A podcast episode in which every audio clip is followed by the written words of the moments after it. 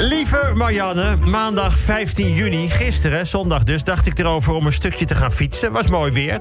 Voor de zekerheid toch even kijken op buienradar. Nou, goed nieuws. Komende drie uur geen regen verwacht. Vlak voor vertrek van het fietsen nog een keer gekeken. Nee hoor, komende drie uur geen regen verwacht. Tochtje uitgestippeld van drie uur rond de stad. En wat denk je?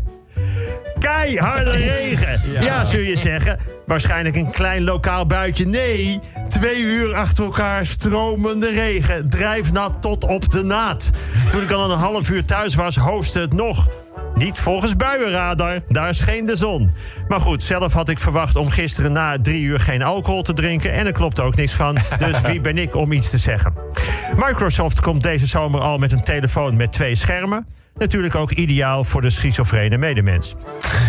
Nederland reserveert met drie andere Europese landen al 300 miljoen vaccins bij een farmaceut. Terwijl nog moet blijken of ze wel werken. Maar het maakt ook hebberig, zo'n vaccin. Opeens heb je geen zin meer om die te delen met de rest van de wereld. Maar als wij het vaccin krijgen, wie krijgt het in Nederland dan het eerst? Nou, zoals we afgelopen maanden hebben geleerd, eerst de KLM.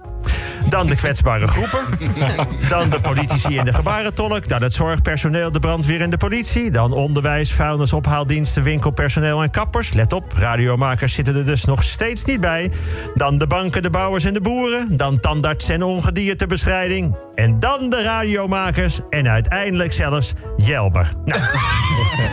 Dinsdag 16 juni. De namen, adressen en telefoonnummers van honderdduizenden klanten van maaltijdbezorger Foodora zijn gelekt. Dat is handig, want nu weten ze ook waar het eten bezorgd moet worden. Dave Roelvink heeft vannacht een peperdure Lamborghini in de prak gereden. Hij verloor de macht over het stuur. De Lamborghini is niet van Dave zelf, maar van zijn vriend Mo, die overigens nog steeds zijn vriend is. Nou, wat mogen we over dit bericht zeggen? Dave was onlangs nog in het ziekenhuis wegens een trillend gezicht, maar dat bleek een allergie te zijn voor oogdruppels. Had dit ongeluk dan misschien te maken met een allergie voor handcrème? En wanneer verlies je bij een Lamborghini de controle over het stuur? Dat gebeurt als je harder dan 180 gaat. Waar reed Dave? Nou, we mogen dus aannemen niet in een woonwijk. Mo is zijn beste vriend. Dat moet wel, want anders laat je Dave Roelvink niet in je Lamborghini rijden. Nou, Mo werd helemaal niet boos toen zijn Lamborghini in elkaar zat. Dan ben je of een hele goede vriend of het was ook niet zijn Lamborghini. Zijn vriend heet Mo Bicep. Dus we mogen aannemen dat Mo de auto eigenhandig aan de kant heeft getild. Of dat Bicep niet zijn echte achternaam is. Het zijn allemaal aannames. Het kan ook dat Dave zijn goede vriend midden in de nacht omdat hij te moe was om zelf te rijden. En dat hij op weg naar huis moest uitwijken voor een paar eentjes. En van pure dierenliefde tegen een paal reed. En dan is Dave een voorbeeld voor ons allemaal. Snap je? Je moet niet te snel oordelen. Woensdag 17 juni. Hubert Bruis, voorzitter van de Veiligheidsraad, heeft duidelijk gemaakt dat het overtreden van de anderhalve meter regel in de horeca niet langer zo door kunnen gaan. Want steeds minder mensen houden zich aan die anderhalve meter in de restaurants. Als ze binnenkomen, dan gaat het nog wel. Maar bij de soep schuiven ze al iets dichter naar elkaar toe. Bij de sperrips of de sliptongen zitten ze tegen elkaar aan. En bij de tiramisu wordt echt uit elkaar schaaltje gelikt. En dan mag je blij zijn als er op zo'n moment echt alleen uit het schaaltje wordt gelikt. Waar denken jullie aan bij de straatnaam Penny Lane? Dat klopt. Maar de wereldberoemde laan in Liverpool is vernoemd naar de slavenhandelaar James Penny en moet daarom een andere naam krijgen. Mag het nummer van de Beatles nog wel worden afgespeeld? En wat doen we met The White Album? Maar goed, wel iets geleerd. Penny was een slavenhandelaar. Nu begrijp ik ook waar een penny wafel er zo uitziet. Ik heb hem ook nooit lekker gevonden. Die kan zo in de doos bij de moorkop, de negerzoen, de jodenkoek en de kano. Kun je afvragen, Peter, waarom de kano? Nou, die vind ik gewoon niet zo lekker. ja.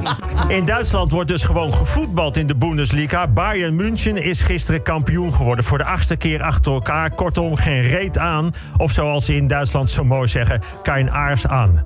Bayern wordt altijd kampioen en verdient het meeste geld. En dan kopen ze de beste spelers van en dan worden ze weer kampioen. Het is enorm saai. Of zoals ze daar zo mooi zeggen... Mit een Krozenschwanz is het einfach schwaffeln. Altijd dezelfde die wint. Net als met de tuinvogeltelling. Altijd de mus met zijn dikke chilip. Het is de Bohemian Rhapsody van de gevleugelde wurmeneters. Bayern München. Nou, ik heb een idee. Voor elk jaar dat je achter elkaar kampioen wordt... begin je het jaar daarna met drie punten achterstand. Hoewel ze daar in Duitsland zo mooi over kunnen zeggen...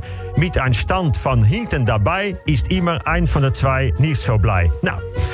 Donderdag 18 juni, ik had het al over de vaccins... maar er zijn nu ook regels voor de IC. Want wie krijgt er, als die volloopt, het eerst een plek? Eerst mag degene die waarschijnlijk het kortst op de IC gaat liggen. Dan komen de werkers in de zorg. En daarna gaat jonger voor ouder. Dat zou dus betekenen dat als hier in de studio iedereen naar de IC moet, dat ik als laatste aan de beurt ben. En wat nu opvalt is dat iedereen om me heen hier zit te knikken van terecht en een duim naar elkaar opsteken. Mag ik dan wel eventjes een vraag stellen? Koning Willem-Alexander is 53. Ik noem een willekeurige andere Nederlandse burger, Jelte van de Groot, is 40. Stel dat ze allebei een IC-bed nodig hebben. Oké, ander voorbeeld. Premier Mark Rutte is 53. Dave Roelvink is 26. Nou goed, het maakt allemaal niet uit. BOA-opleidingen hebben tijdens de coronacrisis juist meer aanmeldingen gehad dan ervoor. Nou, dat vind ik een knap stukje marketing. Zeker als je de advertentie leest. Lijkt het jou ook leuk om zonder wapenstok of pepperspray onduidelijke coronaregels te handhaven bij jongeren die totaal scheid hebben aan jou? En als je het niet erg vindt om af en toe een klap voor je bek te krijgen of door een lachende meut in de zee te worden geduwd, schrijf je dan nu in. Vrijdag 19 juni, Vera Lynn is overleden. Zij bracht hoop in de Tweede Wereldoorlog met haar lied We'll Meet Again. Vera Lynn is 103 jaar oud geworden. Zij heeft Queen Elizabeth nog als kleuter gekend. Ze heeft nog verkering gehad met Fred Flintstone, had een dodo als huisdier en sliep tot haar achtste in een hunebed. Nou. Nog even iets positiefs over het Engelse voetbal. Want er wordt altijd over gezeikt. Maar de Premier League. Het is zo'n pervers bastion van belachelijke transferbedragen. Schandalige spelersalarissen. Maar nu, Marcus Rashford is de 22-jarige spits van Man United. Hij was als kind uit een arm gezin afhankelijk van gratis schoolmaaltijden. En nu heeft hij ervoor gezorgd dat de Britse regering is geswicht voor zijn oproep om 1,3 miljoen arme Britse kinderen tijdens de zes weken vakantie vouchers te geven voor maaltijden. Zelf was hij voor de crisis al bezig met het uitdelen op scholen en hij doneerde zelf een groot bedrag. Grote voetballers zijn belangrijke rolmodellen en dat maakt Marcus Rashford op een bijzondere manier heel erg duidelijk. Het vraagt om navolging. Tot volgende week.